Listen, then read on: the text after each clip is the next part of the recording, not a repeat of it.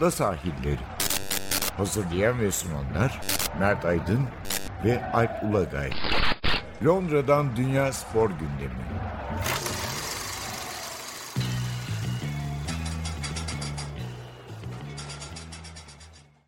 Ada sahillerine hoş geldiniz. Ben Alp Ulagay. Ben Mert Aydın. Bugün ada sahillerinde önce kış olimpiyatlarını konuşacağız. Malum Pekin'de kış olimpiyatları devam ediyor.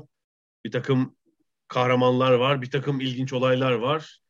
Karsız bir şehirde ve hatta kayak merkezlerinde yapılan ilginç bir olimpiyat. E, ikinci bölümde de böyle bir yere karma futbol bölümü yaparız muhtemelen. Biraz Afrika Şampiyonası finali, Afrika Şampiyonası'nın geleceği, e, biraz da belki Zuma olayına gideriz. Yine böyle bir sağ dışı olay var e, Premier Lig etrafında. Sahayı çok konuşmayacağız yani. Kış olimpiyatlarıyla girelim. Pekin 2022 ile. Bu arada şöyle bir şey var. Bunu Türkiye'de kim bulaştırdı bir ara? Hani resmi ismi Beijing olabilir. Yani biz Türkiye'de o şehre Pekin diyoruz açıkçası. İşte Beijing deme hiçbir zaman niyetim yok. Biz resmi bir kurum değiliz. Yani resmi kurumlar mecburen o ismi kullanıyor olabilirler. Bana kimse Beijing falan dedirtemez yani. Rahmetli Net Kolyurek Beijingçiydi. Kusura bakmasın. Ee, önemli bir insan olmasına rağmen o da hata yapabiliyormuş demek ki.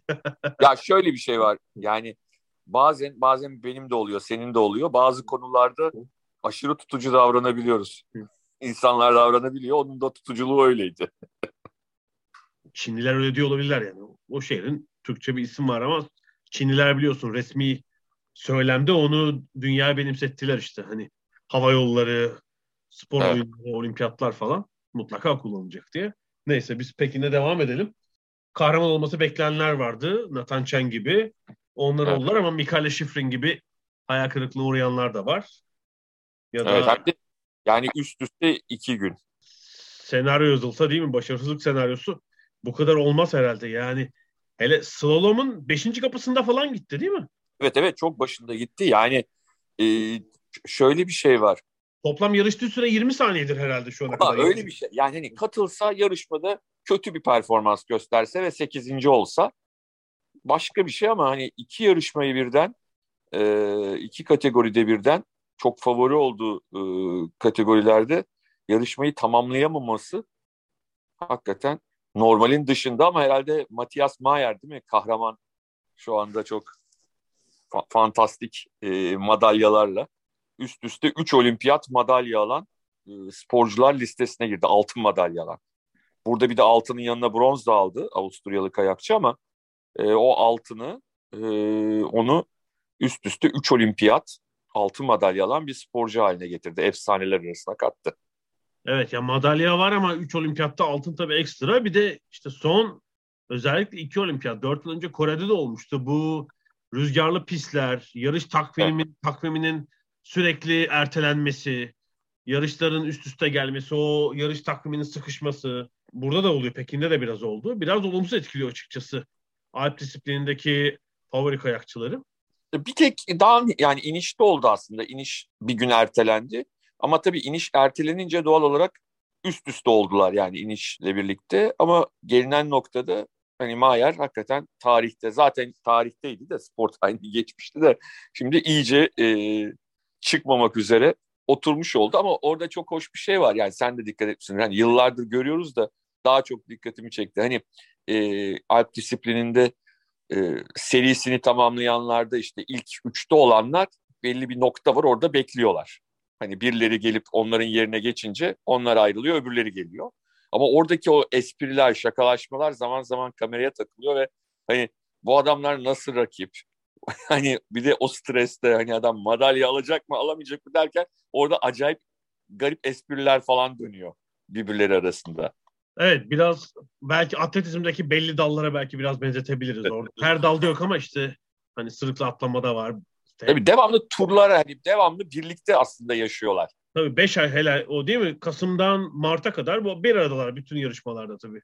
Ve yıllarca sürüyor tabii bu. Yani. Evet evet yani bazıları birbirlerini çocukluktan tanıyorlar. Yani hani çok küçük yaştaki e, yaşta o şampiyonalara, yarışmalara katılırken hani birbirleriyle çok rakipken aynı zamanda e, öyle dostluklar da oluyor ama dediğim gibi çok komik sahneler oluyor. Yani hani normalde insan stresten hani düşünsene olimpiyat üçüncü durumdasın. Hani üç kişi var biri geçse madalya kaybedeceksin orada espri falan yapıyorsun çevrene. çok, çok normal değil. Grace Note yine kış olimpiyatları için aynı yaz olimpiyatları olduğu gibi bir tahmin yapmıştı ve Avusturya mesela alıştığımızdan daha az madalya alacak gibi gözüküyor oradaki tahminleri. Hmm. Norveç için inanılmaz bir tahmin yaptılar çünkü. 21'e altın 44 madalya tahmini vardı Norveç için. Evet herhalde Johaug da e, bu şampiyonanın, e, bu olimpiyatın önemli isimleri arasına giriyor performansıyla e, kayaklı koşuda. Ki e, yine tartışılan bir isim çünkü doping cezası almıştı hatırlarsan. Evet, evet, evet, evet. Ardından geldi. E, daha önceden bireysel takım yarışmalarından altın madalyası vardı olimpiyat oyunlarında ama hiç bireysel altını yoktu. Ama bu olimpiyatta onu da kırmış oldu. Norveç'in zaten hani kuzey disiplinindeki üstünlüğünü biliyoruz ama tabii şeyde de yani uzun süredir Alp disiplininde de iddialar ama hani kuzeyde onların ayrı bir geleneği var. Yani hani e, çocuk yaştan itibaren e, edindikleri bir gelenek herhalde 2008 olmalı. Ya, Ankara'daki böyle Norveç, Litvanya, İsveç gibi ülkelerden ben diplomatlara ayarladım. Böyle bir haber yapacağım Hürriyet ekleri. Gere'de de sözleştik. O zaman da bir kulüp kurulmuş. Biz İstanbul'dan gittik. Onlar da pazar günü işte o böyle bir çok özel bir pist değil aslında. Bir doğal pist var. Orada çoluk çocuk geliyorlar falan. Hani şöyle sordum hatırlıyorum hani işte kaç yaşından beri yapıyorsunuz demedim de hani çok küçük yaşta mı başladınız? Öyle bir soru sordum muhtemelen. Öyle garip bakıyorlar yani. Tabii ki biz iki yaşından beri kayanın üzerindeyiz diye. Ya adam mecburen öyle yani. Ne yapsın? yani Norveçli'de, Litvanyalı'da falan bir sürü şey var mesela. Sanıyorum Norveç Büyükelçisi vardı o zaman. Hani böyle bayağı şey diplomatlar, üst düzey diplomatlar. karlı, bayağı karlı bir Gerede gününde. Yani dönüşte neredeyse şeyde kalıyorduk açıkçası. O Bolu tüneli falan kapanır ya. Evet, Biz evet. tünelden çıktık İstanbul yönünde tünel kapatıldı. evet. Ya şunu söylemek lazım zaten hani kış olimpiyatları ile yaz olimpiyatlarının en önemli farkı bu bence. Hani madalya alan ülke sayısı e, yaz olimpiyatlarında çok daha fazla. Zaten katılım katılan ülke sayısı Tabii daha buraya, fazla. Buraya sadece 91 ülke katılıyor. Düşünsene. Tabii ve de madalya alan ülke sayısı daha fazla yaz olimpiyatlarında. Yani e, birçok kıtadan birçok farklı ülke değişik spor dallarında iyi ve madalya alabiliyor. Ama kış olimpiyatlarında belli ülkelerin egemenliğinde, hegemonyasında her şey. Hani arada böyle mesela yine aslında e, karlar altında olan Liechtenstein gibi ülkeler falan ekstra madalyaları alıyor. Hani o ana ülkeler dışında. E onların da zaten hani, hani Liechtenstein'ın ya da Lüksemburg'un, İsviçre ya da Avusturya'dan e, coğrafi olarak çok fazla farkları yok. A, Afrikalı bir biatloncu ya da işte kayakçı Güney, ya Güney da... Amerika'da yok mesela pek yoktur. Güney Tabii. Amerika, Afrika, işte Güneydoğu Asya falan hani oralar pek Şimdi 4, 4 yıl önce biraz şeye bakmıştım. Hani bu az sayıda madalyalı ülke var. Bu madalya alan ülkelerin özelliklerine. Bir tabii coğrafi durumları önemli. Coğrafi konumları önemli ama bunun dışında belirleyici bir korelasyon bulmuştum. Bu da sosyoekonomik gelişmişlik durumu. Hatta e, Birleşmiş Milletler'in e, Dünya Kalkınma Programı'nın e, insani gelişmişlik endeksi var. Yani orada ilk 25'teki ülkeler aslında kış olimpiyatlarında da başarılı ülkeler. Rusya hariç. Rusya çünkü gerilerde ilk 25 değil ama geri kalanlar işte Norveç, İsveç, Kanada, ABD, İsviçre, Hollanda, Fransa, İsviçre, Japonya falan filan gibi ülkeler. Çin, Çin ev sahibi olarak o endekste geridedir. Çin muhtemelen bu olimpiyatta araya girecektir yukarılara. Hani ama belki bir olimpiyatlık. Onun dışında dediğim gibi sosyoekonomik gelişmişliği geride olan ülkeler biraz da belki coğrafi konumları sebebiyle başarılı olamıyorlar. Mesela çok zengin olan körfez ülkeleri hiç yok burada mesela. Hiçbiri yok. Ya mesela e, bugün şöyle ilginç bir şey vardı. Kombinede e, Alp disiplininde e, İsrailli bir sporcu vardı. Aslında Macar. işte birkaç yıl önce İsrail vatandaşı olmuş. İsrail adına yarışıyor. Ee, anlatan Eurosport'un spikeri şöyle söyledi. Çok önemli alacağı derece çünkü bu sporcuların alacağı derecelere göre ülkelerinin yatırımları da ona göre oluyor. Yani böyle bir sporcusu var ona göre yatırımını yükseltiyor ve işte atıyorum e, alp disiplininde eğer e, bir kategoride ilk 15'e ilk 20'ye girebiliyorsa sporcu e, sponsoru artı işte devlet yardımı da artabiliyor. Soloş 6. oldu yani kombinede. Tabii tabii. Çok iyi derece. Hani şey için herhalde İsrail'in bilmiyorum tarihinde fazla şeref listesi derecesi yoktur herhalde. Yoktur. Aslında bu yıl tabii e, herhalde hepimizi en çok şaşırtan Türkiye'de e, bizim de ilk defa kış olimpiyatlarında şeref listesine bir oyun, sporcu sokmamız. Değil mi yani hiç yanına bile yaklaşadım? Yani aklımızın ucundan geçtiğini geç, geçtiğini düşünmüyorum. Furkan'ın geçiyor muydu ona emin değilim açıkçası. Çünkü bugüne kadar kış olimpiyatlarında hani en iyi dereceyi herhalde Tuğba Karademir yapmıştı değil mi? Tabii. tabii. Ee, artistik patinajda. Tabii o Kanada'da sonradan Kanada'ya taşınmış, orada çalışmış, orada sporcu olmuş bir isimdi. İki kere finale kalmıştı galiba ama işte 20.lik 21.likti. Tabii. Furkan 6. oldu bir de. evet Furkan Akar aslında şunu önce söyleyelim. Aslında Türkiye'de e, kayaklı koşuyu ve şeyi Alp disiplinini bir kenara koyarsak çünkü ona o dallarda yıllardır sporcularımız e, belli bir seviyenin üstüne çıkamasalar da olimpiyat oyunlarında yer alıyorlar. Hani ülke kontenjanından kendilerinin aldığı şeylerle değil de çok fazla kota puanlarıyla ama e, özellikle 2011 yılında Erzurum'da yapılan e, gençlik kış olimpiyatları sayesinde Türkiye'de birçok dal harekete geçti. Yani çünkü mesela bir curling takımımızın olması lazımdı evet. orada. Hı. Üniversite oyunları pardon gençlik olimpiyatı yanlış söyledim. Ee, üniversite kış oyunlarında. Ee, mesela kadın e, curling takımımız neredeyse olimpiyat kotası alacaktı. Çok yaklaştı. Kısa kulvar, e, kısa pist, e, buz e, sürat pateninde, kayakla atlamada sporcularımız oluşmaya başladı. Ve sadece 10 10 yıllık bir süreçten bahsediyoruz. Bu çok önemli ve sonuçta Fatih Arda İpçioğlu da e, finale kalarak 36. oldu finalde. 50 kişi arasına kalmayı başardı ve tarihte orada bir ilk yazdı. Bir kere bir, bir yarışması daha var. Ee, oradan bakalım nasıl bir performans gösterecek. Ama Furkan Akar'ınki hakikaten yani herhalde dünya üzerinde o, bu spor dalıyla kısa kısa pist e, sürat pateniyle uzmanım diyen e, herhangi bir kişinin aklına bile gelebilecek bir başarı değil. Çünkü bu sporun kendine has bir yapısı var. Yani diğer birçok spordan. Bir, ayakta kalmanız gerekiyor ve çok kolay değil pistin yapısı gereği ve hızınız gereği. İkincisi, rakibinize azıcık dokunduğunuzda rakibiniz uçuyor ve siz de diskalifiye ediliyorsunuz. Ve o yüzden de ayakta kalmak hatta rakiple temas etmemek başarı için birinci şey oluyor sürat kadar en az. Onunla eşit derecede önemli oluyor. Ve Furkan bunu başardı. Dünya sıralamasında ya da olimpiyata katılanların sıralamasında 33-34. olmasına rağmen olimpiyat oyunlarının 6. olarak bitirmeyi başardı.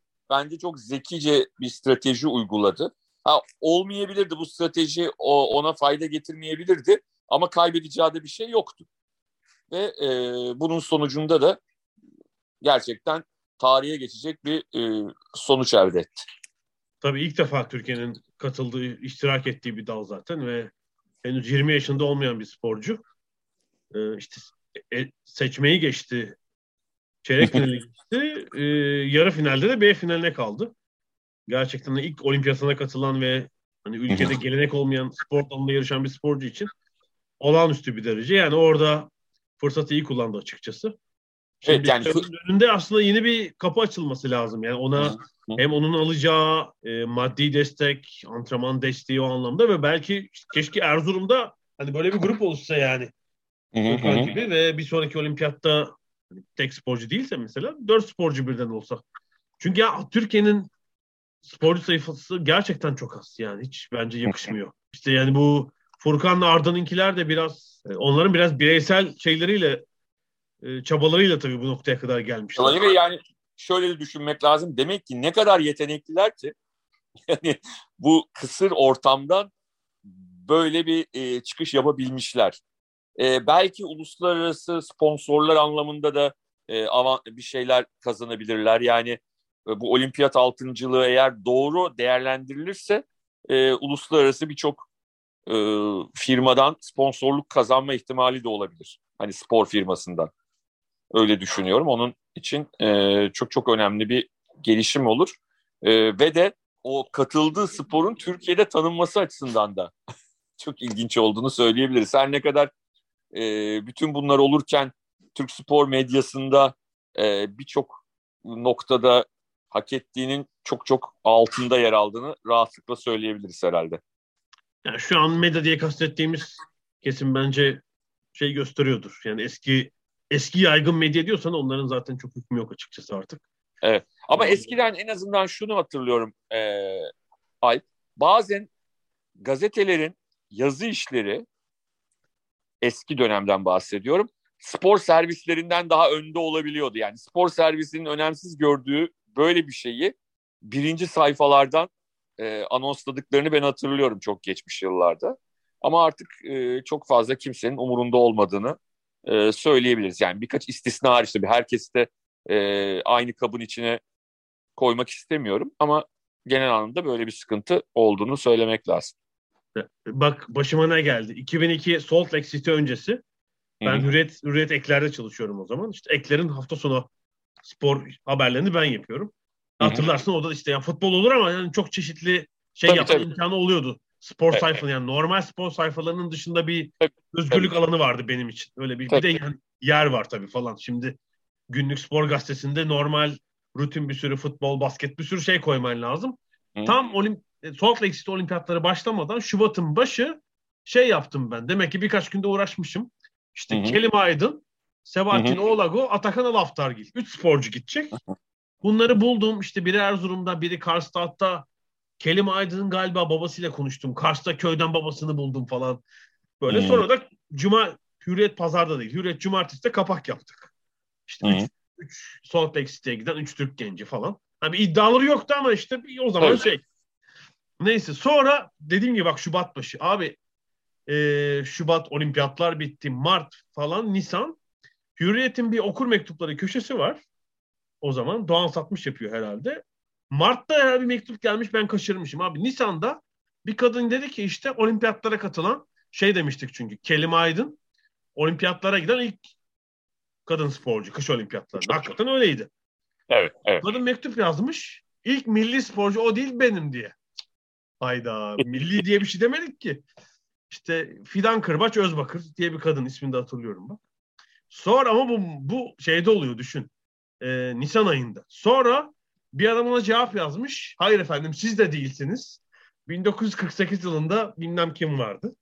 Mayıs'a kadar bir buçuk ay mektuplaşılmış bunun üzerine yani. Sensin ben değilim. Halbuki asıl mesele o değil yani. Kış olimpiyatlarına giden milli ben... Okuduğunu anlama anlamama ile ilgili bir sıkıntı. Bunlar da yayınlandı orada. Bir de arada bir tip çıkmış. Daha doğrusu çıkmıştı. Şey demiş. O da şunu yazmış. 19-20 yaşında bir e, hanım kızımıza kadın yazmak gibi bir terbiyesizlik. Efsane olay çığırından çıkmış yani. tabii tabii tabii. Bayan yazılması lazım efendim. O zaman hatta hatırlarsın. Bütün liglerin ismi de bayan voleybol ligi falan. evet, evet, evet, evet. Bayan yazılması lazım. o da bir hakaret abi bayıyorlar diye anlamına da geliyor olabilir. Ya sorma yani bir tane şeyden. Haber de fena olmamış yani. Ya bir haber yapmışsın bak ses getirmiş işte. Beklediğin ses bu değildi ama. Evet. Ya sonra kelime Aydın biliyorsun. Dört olimpiyatta yarıştı galiba herhalde rekortmen oldu. Ya zaten bir ara şeydi yani hani bir spor servislerinde Sebahattin Oğlago ile Kerim Aydın isimlerini bilirdik sadece. Hani onlar hani olimpiyata kim katılıyor onlar katılıyor. Alp disiplinindekiler değişirdi genelde. Ama kayaklı koşuda ikisi yarışırlardı. Ya Ama var, yani... var işte şey mesela hani Furkan'dan olabilir.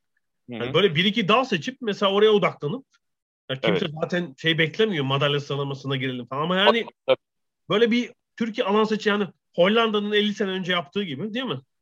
Mesela curling'de de fena değiliz bence. Ha, yani, mesela yani evet. Orada da mesela hani e, belli ki bir biç e, iyi bir grup var. Onlar bir şekilde kendilerini e, hani olimpiyat kotasında hatta Britanya'yı yendiler galiba o elemelerde yani sonuçta Britanya her zaman şampiyonluk adayı olan bir takım. Orada ee, bir damar yakalanmış mesela yani. Oradan işlemek lazım biraz işte. Tabii tabii tabii. tabii. Hep konuşuruz biliyorsun mesela yani. Türkiye hani ordusu büyük, polisi, hmm. jandarması falan. Ya bir biatlon şeyi çıkmaz mı ya? Evet bir ara bir grup çıkmıştı öyle. E, gidiyorlardı Dünya Kupası ayaklarına ama sonra ne oldu bilmiyorum. Şeylerin de büyük kısmı, büyük kısmı demeyeyim şimdi ezbere konuşmuyor ama Fransızlar falan şey çıkar yani bakarsın jandarmadır adam. Evet ama e, galiba onlar yavaş yavaş hani onları azaltıyorlar galiba diğer ülkelerde. Hani yavaş yavaş böyle hani e, ayrılıp daha profesyonel bu işi yapmaya başlayanlar ama dediğin gibi özellikle Fransızlar ki biatlonun herhalde e, kuzey ülkelerine kafa tutan ülkesi Fransa'dır yani hani çok Aynen net. Yani burada da yine altın madalya aldılar sonuçta. Dediğimiz gibi sonuçta kış olimpiyatlarında madalya alan ülke sayısı gördüğümüz hep yani bazı noktalarda hep aynı ülkeleri görüyoruz zaten. Almanlar şeyleri topluyorlar. Kızakta topluyorlar bütün madalyaları. Topladılar. Evet evet evet. Kızakta hep Almanlar kazanıyor. hep Almanlar kazanıyor. Kızak e, dört tane koşunun yapıldığı sonunda Almanların kazandığı bir spordur. Ya futbol diyebilirken kızak çıktı mesela. ya da işte... Ama onlar hep yıllardır yani kızakta evet. Uzun süredir e, çok, çok çok iyi gidiyorlar zaten. Ya, sürat patenindeki ee, Hollanda geleneği işte tabii. Tabii yani sürat pateninde de yani çok acayip şeyler oluyor. Yani e, bugün İren Schuten'di değil mi? Hı hı, çok evet. metrede yani Kanadalı Weideman kazandım dedi ve onun kazandım dediği dereceyi 4 saniye 4.67 saniye daha iyisini yaparak olimpiyat rekoru kırıp altın madalya kazandı. Yani insanda heves bırakmaz. O iki altın aldı. Irene Wüst zaten kazanmıştı. Yani zaten favori oldukları dalları topluyorlar yani beklendiği üzere. Hollanda en iyi galiba tarihin en iyi performanslarından birini bekliyor burada. Evet. Bu şeye de çünkü short track'e de biraz oradan bir yansıma oldu. Normalde evet. orada pek başarılı olmazlar ama e, 20'den fazla madalya bekliyorlar işte. Yani bu gelenekle ağırlıkla tabii. Ya bu arada buz pateninde ne oluyor? Ne olacak Kamile'ye? Valla Kamila Valiyeva bilemiyorum. Anlayamadık olayı değil mi? evet yani bir işte bir e, kalple ilgili bir ilaçtan bahsediliyor. Bir maddede o madde aynı zamanda doping kullanıyor çünkü dayanıklılık e, sağlayan bir maddeymiş. E, şimdi de yani neden olay saklı kalıyor onu söylemek lazım. Çünkü Valiyeva'nın yaşı 15. Yaşı küçük olduğu için e, olayı tam böyle net öğrenemiyoruz. Çok tam böyle e, net açıklamıyor. Açıklamıyorlar yaşının küçüklüğünden dolayı dosya. Ama bir türlü işte e, karışık takım hani son dönemde çıkardıkları e, dallardan biri e, artistik patinajda karışıklarda madalya töreni değil mi? İzleyemedik madalya töreni. E, olmadı. Ya salı günü denmişti. Çarşamba oldu, perşembe oldu. Ödül töreni evet, yok. Ama işte bugün haberleri okuyoruz. Valiyeva her şekilde kadınlar yarışı için antrenmanlarını sürdürüyor. Yani daha e, verilmiş bir ceza ya da e, açıklanmış bir şey yok. Ama çok karışık bir durum ve tabii ki işte yine şey başladı yani işte Ruslara yine böyle bir şey yapılıyor diye Ruslar hemen bunu e, kullanmaya başladılar, işlemeye başladılar. Ne çıkacak? Çünkü Valiyeva o kadar heyecan verdi ki olimpiyat öncesinde de ve aynı zamanda buradaki o karışıklardaki performansıyla da hani herkes onun ne yapacağını e, merakla bekliyor. Yani yeni bir ne bileyim Katerina Witt gibi e, bir süper yıldız ortaya çıkıyormuş gibi bir durum var ortada. Ve bu şekilde olay sekteye uğrarsa ne olur bilmiyorum. Çok e, heyecanla beklediğimiz e, bir durum. Son, bu işin sonu nereye varacak ama dediğim gibi yaşının küçüklüğünden dolayı olayı da net bir şekilde öğrenemiyoruz. Dediğimiz gibi bu olimpiyattaki performansın ya da doping kontrolü ilgili değil de daha önceki bir vakayla ilgili. İlginç bir durum. Tam işte kış, sporları bir yeni süperstar bulmuş denirken e, onun bir ceza alması falan çok büyük hayal kırıklığı yaratır gerçekten. Ya aslında hani e, çok fazla ilginç şey var ama e, belki şey tabii şunu söylemek lazım. Yine yaz olimpiyatlarında olduğu gibi seyirci doğal olarak e, Covid tedbirleri gereği çok fazla alınmıyor ama e, bugün hani erkeklerin artistik patinajında seyirci sesi bayağı geliyordu. Ya orada nasıl oldu? Şeyler mi geldi acaba? Japonlar e, falan mı? Takımlar mı geldi? Var dedi spiker. 2000 kişi alındı dedi yaklaşık. Hmm. Onların sesi vardı yani e, şeyden çok hani antrenörler, kafileler falan ama onun dışında seyirci de alınmış anladığım kadarıyla 2000 kadar. Ya, ee, artistik patinajda çünkü çok evet, üzücü seyirci olması çünkü o evet. sadece spor değil yani bir gösteri aynı zamanda çok çok üzücü. Yani. Özellikle madalya alan sporcuların performansları e, çok çok üst düzeydeydi. Yani hem artistik açıdan hem teknik açıdan. Yani başta Nathan Chen olmak üzere e, altın madalya kazanan. Sonuçta e, o seyircinin varlığı önemli hatırlarsan. Bundan geçen yıl mıydı Avrupa ya da Dünya Artistik Patinaj Şampiyonası'nı konuşmuştuk seyircisiz. Yani çok acayip. Hani sporcu için de acayip bir performans ortaya koyuyorsun. Dünya çapında bir performans ve sadece beş tane arkadaşını alkışlıyor. Yani hani işte an, e, şeyler. Sanki antrenmanda yapmışsın gibi oluyor. En azından bugün o sesleri duymak iyi geldi. Alkış evet. sesi. Yani hani kuzey disiplini, alp disiplini, mesafe kat edenler için belki biraz daha az önemi var ama hani hakikaten tabii, böyle bir yarı tiyatro, yarı e, spor olan bir dal için gerçekten büyük şanssızlık. Çünkü o seyircinin Doğru. Doğru. oradaki heyecanını, e, alkışlarını falan duymak ister sporcular. Tabii, tabii. Ya istemez mi ya? İstemez mi? İşte Nathan Chen gerçekten eze eze olimpiyat şampiyonu oldu mesela. Hani evet. ben burada alkış almak isterdim muhtemelen ya da herhalde Yuzuru Hanyu bilmiyorum son olimpiyatındaydı herhalde. Madalya evet. inanılmaz çabaladı. Büyük riske girdi. Yani 8 bitirmişti kısa programı. Riske girdi. O riske girerken iki kere de düştü zaten. E, riskli bir program ortaya koydu. Ama yani neredeyse dibine kadar geldi yani. Hani o ilk üçtekilerden biri çok büyük bir hata yapsaydı falan bir şekilde kendini yine madalyada bulacaktı. Ya da kendisi belki kazayla düşmeseydi bir tane, bir iki tane. Belki e, çok büyük bir e, sürpriz yapacaktı. E, belki üçüncü olurdu evet. Yani çünkü evet. İlk ikiyle farkı çok büyük ama dediğin gibi dörtlü aksel mi dedi ne denedi? O ilk iki hareketinden birinde düşmese gerçekten bir madalyaya daha ayrılabilirdi olimpiyattan. Ee, zor özellikle artistik patinaj için. Yani yapacak bir şey yok. Son iki, iki yıldır böyleyiz. İki yıl oldu bu arada. Evet, evet. Bu haftalık kış olimpiyatları bölümünü böyle kapıyoruz. Ama daha muhtemelen e, bir program kesin konuşur. Belki iki program daha konuşuruz. Evet. Ee, daha umarım... çünkü bu e, Valiyeva olayı nereye varacak belli değil. Hani o daha da ekstra başka konular ort- e, açabilir önümüze. Peki e, bir ara veriyoruz. Aradan sonra futbol bölümüyle devam edeceğiz.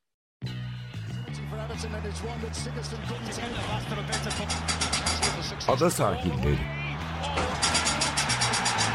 Londra'dan Dünya Spor Gündemi.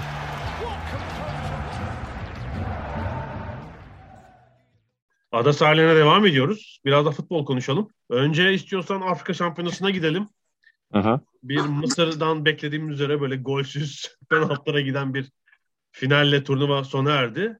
Ya Mane o penaltıyı atsa belki maçın akıbeti değişecek evet. gerçekten. Yani ya şöyle söyleyeyim ben de sana. e, maçın 6. maçı ben 6 dakika izledim. e, 6. dakikada penaltı kaçtıktan sonra kış olimpiyatlarına döndüm. Dedim ki nasıl olsa penaltılara kalacak o zaman izlerim. Ben gerçekten yani e, şaka olsun diye söylemiyorum. Gerçekten sadece penaltı atışlarını izledim. Çünkü yani o, o penaltı gol olsa izlemeye devam edecektim. Ama olmayınca gideceği yer belli oldu maçın.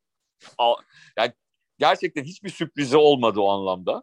Ee, neredeyse turnuva boyunca Mısır'ın stratejisi belli çünkü Mısır en iyi organize savunmaya sahip takım. Yani çünkü Afrika e, takımlarının ağırlıklı olarak e, en iyilerinin dahi savunma organizasyonu hep sorunlu. İyi savunmacılar olmasına rağmen. Ama Mısır'ın öyle değil. Yani Mısır'ın Avrupa'yı bir hani Avrupa futboluna uygun e, çok net bir takım savunması var. Carlos Queiroz da işi bunun üzerine kurmuş. Demiş ki bu ben gol yemezsem nasıl olsa ileride iyi oyuncularım var başta Salah olmak üzere. En kötü penaltılarla kazanırım. Aslında e, şey de ilginç oldu. Yani as kalecinin sakatlanıp e, onun yerine giren yedek kalecinin penaltılarla kahraman olması uzun süre final dışında. Yani Gabaski bir de 8 kurtarışı var. Şeyde evet. yani 120 dakikada da bir ekstra birkaç kurtarış da evet. yaptı. Hani Mısır'ı finale kadar böyle 120 dakikalık maçlarla getirdi. Hatırlarsan Portekiz'de Avrupa şampiyonu olurken hani hep öyle 120 dakikalık maçlarla e, bir noktaya geliyordu. Onlar da bunu başarmaya çok yaklaşmışlardı. Ama ben yani açıkça söylemek gerekirse hani Salah'ı da çok sevmeme rağmen sonuçta Senegal'in kazanmasının daha e, mantıklı ve daha hani haklı olduğunu düşünüyorum. Çünkü hani turnuva boyunca bir şeyler yapmaya çalışan bir ofansif e, bir şeyler üretmeye çalışan bir takımdı Senegal. E, belki Kamerun işte o hücum gücüyle e, çok fazla gol atan özellikle iki forvetiyle e, Mısır'ı yenebilseydi çok daha güzel ve eğlenceli bir final belki izleyebilirdik. Evet Senegal Kamerun finali muhtemelen daha eğlenceli olurdu gibi geliyor. Yani Mısır o 0-0'larla neredeyse şampiyonluğu alıyordu ama Senegal işte daha kolay olan geldi tabii. İşte normal 90 dakikalarda zaten işte 2-0 3-1 falan kazanarak finale yükselmişti. İki yıl önce de finalde kaybetmişlerdi. Onlar yani Senegal için iyi tabii. ilk defa kazanıyorlar. Evet tabii bir de hani Aliou Cisse yıllardır Senegal'i çalıştırıyor. Futbolcu olarak da finalde kaybetmişti. Ee, şey olarak da, e, hoca olarak da. O da bunu e, bir şekilde telafi etmiş oldu. Ama herhalde hani bizim konuşmamız gereken noktalardan biri Afrika Kupası'nın geleceği. Yani e, sezon ortasında oynanıyor. Kuzey Yöreköy'de yazken olan evet. Evet, orada bir turnuva yapmak çok herhalde Güney Afrika hariç falan pek mümkün değil yani. Evet yani çok büyük sıkıntı yaratır. Aslında yani bunun ana nedeni bu ama tabii böyle olunca da çok önemli Afrikalı futbolcular özellikle işte e, önemli 5 büyük ligde oynayan e, Afrikalı futbolcuların e, bir süre kulüplerini bırakmaları gerekiyor sezonun en böyle civcivli noktalarından birinde. Ve e, bu da tabii ki çok tartışılıyor, çok konuşuluyor. E, bazen zaman zaman biraz haddi aşılıp işte Afrika Kupası'na önemine e, laf ediliyor. E, ama diğer taraftan da sanki işte Avrupa'nın büyük liglerinde oynayan Afrikalı oyuncuların da performansları e, son dönemde çok istenen düzeyde değil. Böyle olunca da aslında işte o hocaların negatif taktikleriyle de birleşince e, biraz tatsız tuzsuz turnuvalar olmaya başladı. Bu da yani e, insanları düşünmeye itiyor. Halbuki hani işte Mane'nin olduğu, Salah'ın olduğu birçok büyük yıldızın olduğu e, bir turnuvadan bahsediyoruz. E, çok önemli oyuncuların olduğu bir turnuvadan bahsediyoruz. Daha güzel futbol, daha iyi bir futbol beklemek e, insanların hakkı diye düşünüyorum futbol severlerin hakkı ama e, bir süredir bu gerçekleşmiyor. Yani şöyle yazın olsa da bu sefer işte Copa Amerika ya da Euro ile bir de iki Hı. yılda bir yapılıyor biliyorsun bu. Diğer daha doğrusu Euro'lardan farklı olarak. İşte yazın olsa bu sefer de Euro ile çakışacak belki bazı yıllarda böyle bir sıkıntı var. Hani onun gölgesinde kalma ihtimali olabilir ama işte kışın yapınca da liglerle çakışılıyor. Yani Ocak ayında hani Avrupa'da bütün liglere böyle bir genel ara verilse gerçekten 3-4 haftalık yine belki bu çakışma biraz önlenebilir e, böyle bir ihtimal olabilir ama her şekilde bu turnuvanın sadece dört gün öncesinde oyuncular milli takımlarına katılabildi. Değil mi? Yedisinde başlıyordu. 7 Ocak. 3 Ocak'ta mı katıldılar herhalde? Üçünde oyuncular serbest kaldı kulüplerinden. Yani Tabii. bir hazırlanma süreci yok zaten böyle bir durumda. Evet. Yani dört günde niye hazırlanacaksınız? Hani işte hazırlanamayın. Hocalar işin daha kolay yönüne gidiyorlar birçoğu. E sonra da turnuva bitiyor ertesi gün ya da iki gün sonra bu sefer kulüp takımında oyuncular. Yani özellikle finale kadar ya da yarı finale kadar giden dört takım için yedişer maç yapılmış. Hı hı hı. Pazar, salı kulüp takımınızdasınız. Hani yani mesela, ayak, e, ayak kırıklığı var, fiziksel yorgunluğu evet. var. Klopp e, mesela Leicester maçında ilk 11'de başlatmadı e, Salah'ı. Mane e, kadroda biliyor. Kadroyu almadan bir gün önce geldiği için. E, yani şunu dedi e, 4 tane 120 dakikalık maç oynadı dedi. Yani bu bizim oyuncuyu da korumamız lazım dedi. Yoksa o oynamak istiyor dedi ama hani oyuncuyu korumamız lazım dedi. Belki sadece bu hafta arası maçta değil hafta sonundaki maçta da biraz dikkat etmek doğrudan bilmiyorum. 90 dakika değil belki bir 60 dakika falan almak ya da oyunda tutmak lazım. Evet o... yani sakatlığı falan yok. Ama e, yani bu kadar ne derler oynamaya üst üste üstüne burada yaşayabileceği bir sakatlık bütün sezonu kaybettirebilir oyuncuya. Peki evet. Senegal'i tebrik ediyoruz. 20 sene önce de e, Afrika Şampiyonası'nı finalde kaybettikten sonra Dünya Kupası'na gitmişlerdi ve Şimdinin teknik direktörü Alyus ise çeyrek finalde Türkiye karşı oynayan takımda da vardı. böyle bir böyle bir anı da var 20 sene olmuş şaka maka. Buradan bir Ege öldü değil mi bu arada? Özür dilerim. Bur- Bruno Metsu ölmüş müydü ya? Bruno Metsu öldü ya evet kanser Öldü öldü. değil mi? Evet. Ondan da herkes böyle bir heyecanlandı. Tabii çok hani karizmatik bir karakterdi. Çok büyük hoca olmasını herkes e, istedi bence ama olmadı. Senegal'den sonra bir şeyin duymadık açıkçası. Önemli bir şey yaptığını duymadık hatırlamıyorum açıkçası. Evet. Bir de e, Bu- Buba Diop ölmüştü o takımdan. Fransa'ya gol atan galiba. Evet, evet. Son olarak biraz da Premier, Premier Lig'e bakalım ama Premier Lig'in sağ kısmına çok değinmiyoruz. Hafta ortası maçları var FA Cup'tan sonra. Çok oraya takılmıyorum. Bir yine sağ dışı olay oldu. Bu sefer böyle bir aile içi şiddet, kadına şiddet falan değil. Evcil hayvana şiddet değil mi? Hediye şiddet. Kediye şiddet. Çok acayip bir olay oldu. Kutsuma'nın kardeşinin yayınladığı videoda evdeki evcil kedilerini herhalde aynı kedi olsa gerek. Önce tekmeyle sonra tokatla bir eziyet ettiği görülüyor. Herhalde video hangi platformda paylaşıldı bilmiyorum. Böyle Instagram story falan gibi duruyor ama ondan sonra kıyamet koptu İngiltere'de. Evet elinden alındı.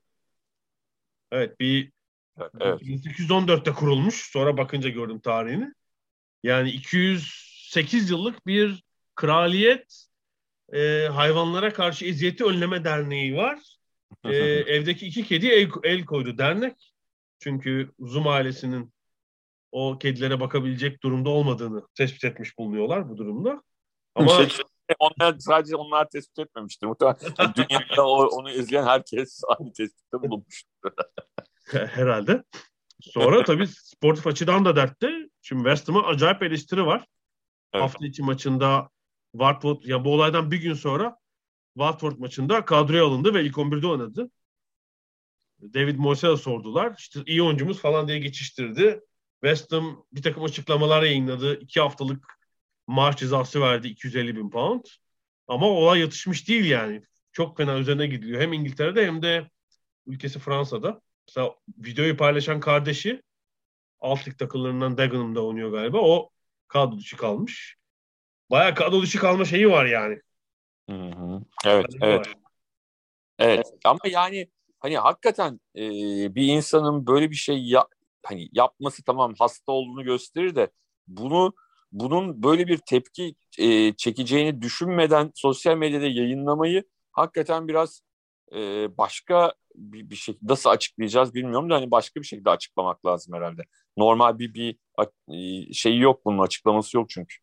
Ya, ufacık hayvanla eğleniyor gibi paylaşıyorlar değil mi orada? Öyle bir video. Ya da story neyse işte hangi platformda paylaşıldıysa. Yani bundan sonra işte Zoom ile ilişkilerimizi keselim. Tamamen takımda atalım mı olması lazım? Hani bana gelen Zoom'a bunun şeyini verin. Kim böyle bir şeyin eğitimini veriyorsa belli bir süre. O süre zarfında kadroda bir- olmasın. E, sorumluluk şeyine girmesi lazım herhalde hayvanlarla ilgili. Evet işte trafikle ilgili mesela eğitimler oluyor değil mi? Bu trafikle Ya da-. Şiddet gösteren Evet. insanlar bir takım şeyler yapıyorlar. E, onun da öyle bir işin içine girmesi lazım. Yani hani şey e, hani kadro dışı bırakalım, futbol oynatmayalım falan o da bana normal gelmiyor ama e, yani bunun bir bedelini ödemesi lazım bir şekilde ve e, sonuçta bunlar genç insanlar hani şeyini de öğrenmesi lazım. Yani ona bunun dersini vermek, yaptığının yanlış olduğunu çok net bir şekilde göstermek lazım ama hani anlar mı anlamaz mı ona çok emin değilim açıkçası bu gördüğümüzden sonra. Hatta belki ailece tabii evde çünkü çoluk, çoluk çocuklar da var yani gördüğümüz üzere. Evet. Belki bütün Zoom ailesinin böyle bir eğitimden geçmesi gerekecek. O süre boyunca takımdan ayrı kalacak mesela. İşte bir ay, dört hafta, altı hafta bilemedim süreyi. Ee, Mikael Antonio idman çıkışı ilginç bir şey söyledi tabii o. Ee, ırkçılıkla ilgili mevzuda bu kadar tepki gösteriliyor muydu? Falan diye bir karşılık ver. Tabii hani bunun yanıtı o olmaz. Bu şeye Olmaz. benzedi yani. Sizin işte hani pozisyon tartışmaya benzer biraz şeyde. Sizin pozisyonunuza verilmedi, bizimkine verilmedi diye. Ya benim sadece buradan gördüğüm herhangi işte aile içi şiddet, hayvanlara karşı ırkçılık mevzunda son 10 yılda özellikle bizim burada olduğumuz 3 yılda müthiş artık bir hassasiyet var bu konularda. Yüzde yüz. Bence bunların herhangi birinde şu an bir eylemde bulunacak futbolcu da herhangi bir sporcunun e, geleceği çok şey hiç parlak olmaz yani. Bence de. O, 10 yıl önceki bir şeyle mesela kıyaslayamayız. Yani 20 yıl önceyi bıraktım zaten. Evet. 10 yıl önceki bir durumla bile kıyaslamak çok doğru değil. Şu an başka bir tüm konularda en azından Büyük Britanya'da müthiş hassasiyet var. Ee, ya da hani cinsel kimlik mesela falan değil mi? Yani onun için diyorum yani bunu bu kadar hassas olunduğu, olduğu bilinen bir ülkede sosyal medyada yayınlamak hakikaten e, akıl almaz yani. As, asıl hani yaptığı işin kötülüğü bir yana bir de onun dışında yani bir parça yani şimdi yanlış bir tabir de kullanmak istemiyorum ama hani hakikaten e, kafaları hiç çalışmıyor herhalde. Öyle söyleyeyim. Yani şu olsa mesela bu İngiltere'ye bir Premier Lig'e bir oyuncu transferi olacak. Avrupa'nın da dışından. Hmm. Onun bir videosu ortaya çıkacak mesela. Bir herhangi birinin cinsel yönelimiyle dalga geçtiği, aşağıladığı bir video. Hı. O oyuncu Premier Lig'de oynatmazlar oyuncuyu benim bir kanaatim mesela. Yani o ya ancak şöyle olması lazım. Orada şöyle bir ayrım olabilir. Hani acayip bir oyuncudur falan filan. İşte e, onu korumaya alabilir kulübü bir şekilde. E, özür yayınlatır, bilmem ne yapar falan filan. Ama hani e, ortanın biraz üstü bir oyuncuysa dediğin gibi o transfer zaten hiç olmaz. Ya, ben hani transfer olduktan sonra ortaya çıktığını Ha. Ee, ya şöyle diyeyim hani çok acayip iyi bir oyuncuysa onun bir yolunu bulurlar. Yani bir özür yayınlatırlar. Çıkar işte e, benim de öyle bir arkadaşım var zaten der. Hani bizim çok severiz de böyle saçma sapan. Ondan sonra öyle bir şey yaparlar. Hani o, o konularda e, öyle bir zaman zaman esneklik uyguluyorlar ama çok, çok gereksiz bir şekilde futbol kamuoyunu meşgul ettiğini söyleyebiliriz Zuma'nın. Çok gereksiz bir şekilde. Şimdi hafta sonunu tabii herkes bekliyor. Yine kadroda olacak mı diye. Ne acayip bir duruma gidiyor değil mi bu işler? Bu bu hassasiyetler. Yani 20 yılın hani şey geçtim yani. Türkiye'yi başka bir ülkeye geçtim. Hani İngiltere'de bile herhalde 1998'de falan hiç şey olmayacak. Yani televizyonda bayağı da önemli futbol insanlarının dalga geçtiği falan konular.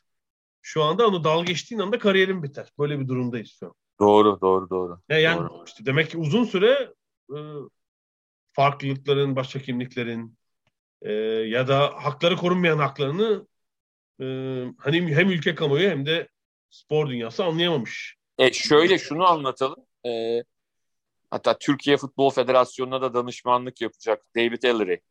E, İngiltere evet. futbol e, yani hakemlerin başındaki kişinin bundan 7 yıl önceki bir toplantıda yaptığı ırkçı espri biri tarafından yeni olarak ihbar edildi ve soruşturma başladı ve bu sezon sonunda ne olursa olsun şey e, görevinden ayrılacak. E, bir tane siyahi bir e, hakemle el sıkışıyor. Nerede yandınız diye soruyor. yani öyle de hani ve de yani bunu söyleyen David Ellery Oxford mezunu yıllarca e, İngiltere'nin en önemli okullarından birinin e, müdürlüğünü yapmış ve orada öğretmenlik yapmış bir adam. Yani sıradan şey yapmamış, aklı başında değil, alkolik eski bir futbolcu falan değil yani. O dönemde bir geçiştirilmiş olay, bir özür dilemiş falan filan ama ortaya çıkmamış. Birisi işte son dönemde ihbar etmiş. Ve e, şimdi soruşturma açıldı David Ellery ile ilgili. Yani doğru oldu anlaşılınca anladığım kadarıyla o esprinin. Doğru derken yani Yapıldığı Dedi. anlaşılınca esprinin. Yok çok tanığı var olayın zaten. Evet. Sadece evet. orada hani hakem camiasının içinde biraz hani kol kırılmış, yeni içinde kalmış ama şimdi ortaya çıktı ve soruşturma başladı. Aradan işte 2014'te olmuş, 7-8 yıl geçmiş. Şimdi başladı e, soruşturma Eler ile ilgili. Ve de bunu dediğim gibi hani öyle Zuma gibi e, biri değil, Oxford'da okumuş, yıllarca üst düzey eğitimcilik yapmış bir adam yapıyor. Muhtemelen Ellery'nin spor yöneticiliğinin sonu olacak yani. Yani şöyle düşün demek ki DNA'ya o kadar yerleşmiş ki o. Yani teknik olarak ırkçı olmayabilir David Ellery.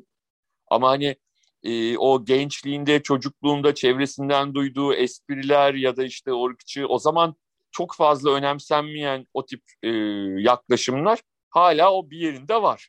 Ne yaparsa yapsın. Ya Türkiye'de oldu ya son böyle birkaç yılda bir iki olay. Yani biraz uzaktayız ama bazen olunca evet. imsahlı imsahlı bir olay olmuştu. Ben biraz Hı-hı. merak edip Avrupa'daki birkaç gazeteci arkadaşıma sordum işte Fransa, İsviçre, e, İngiltere'yi falan sordum. Hani dedikleri şu yani 40 yıl önce falan evet hani böyle bir espri yapan şimdi mümkün değil falan hani. Böyle Tabii, bir şey. tabii. Hani me- mesela gazeteci için sordum ben tabii sporun içinden olan birisi için değil. Hani kariyeri biter bir daha çalışamaz dediler. Tabii canım. Ee, ama hani işte 1984'te evet hani komik bulunan yapılan espri bu mesela falan. Evet evet. Evet. Timsah mı yiyordunuz şeyde? Ha falan. Şimdi tabii mümkün değil açıkçası. Peki e, Zoom olayı nereye gideceğini takip edeceğiz. Sanıyorum bu kadar değil mi bu haftalık? Bu kadar. Bu hafta. Gelecek haftaya kadar görüşmek üzere diyorum. Hoşçakalın. Hoşçakalın.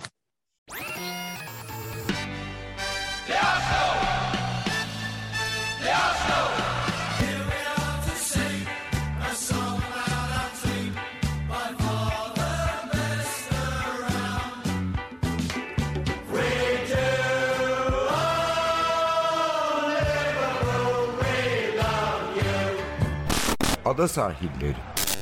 Hazırlayan ve sunanlar Mert Aydın ve Alp Ulagay.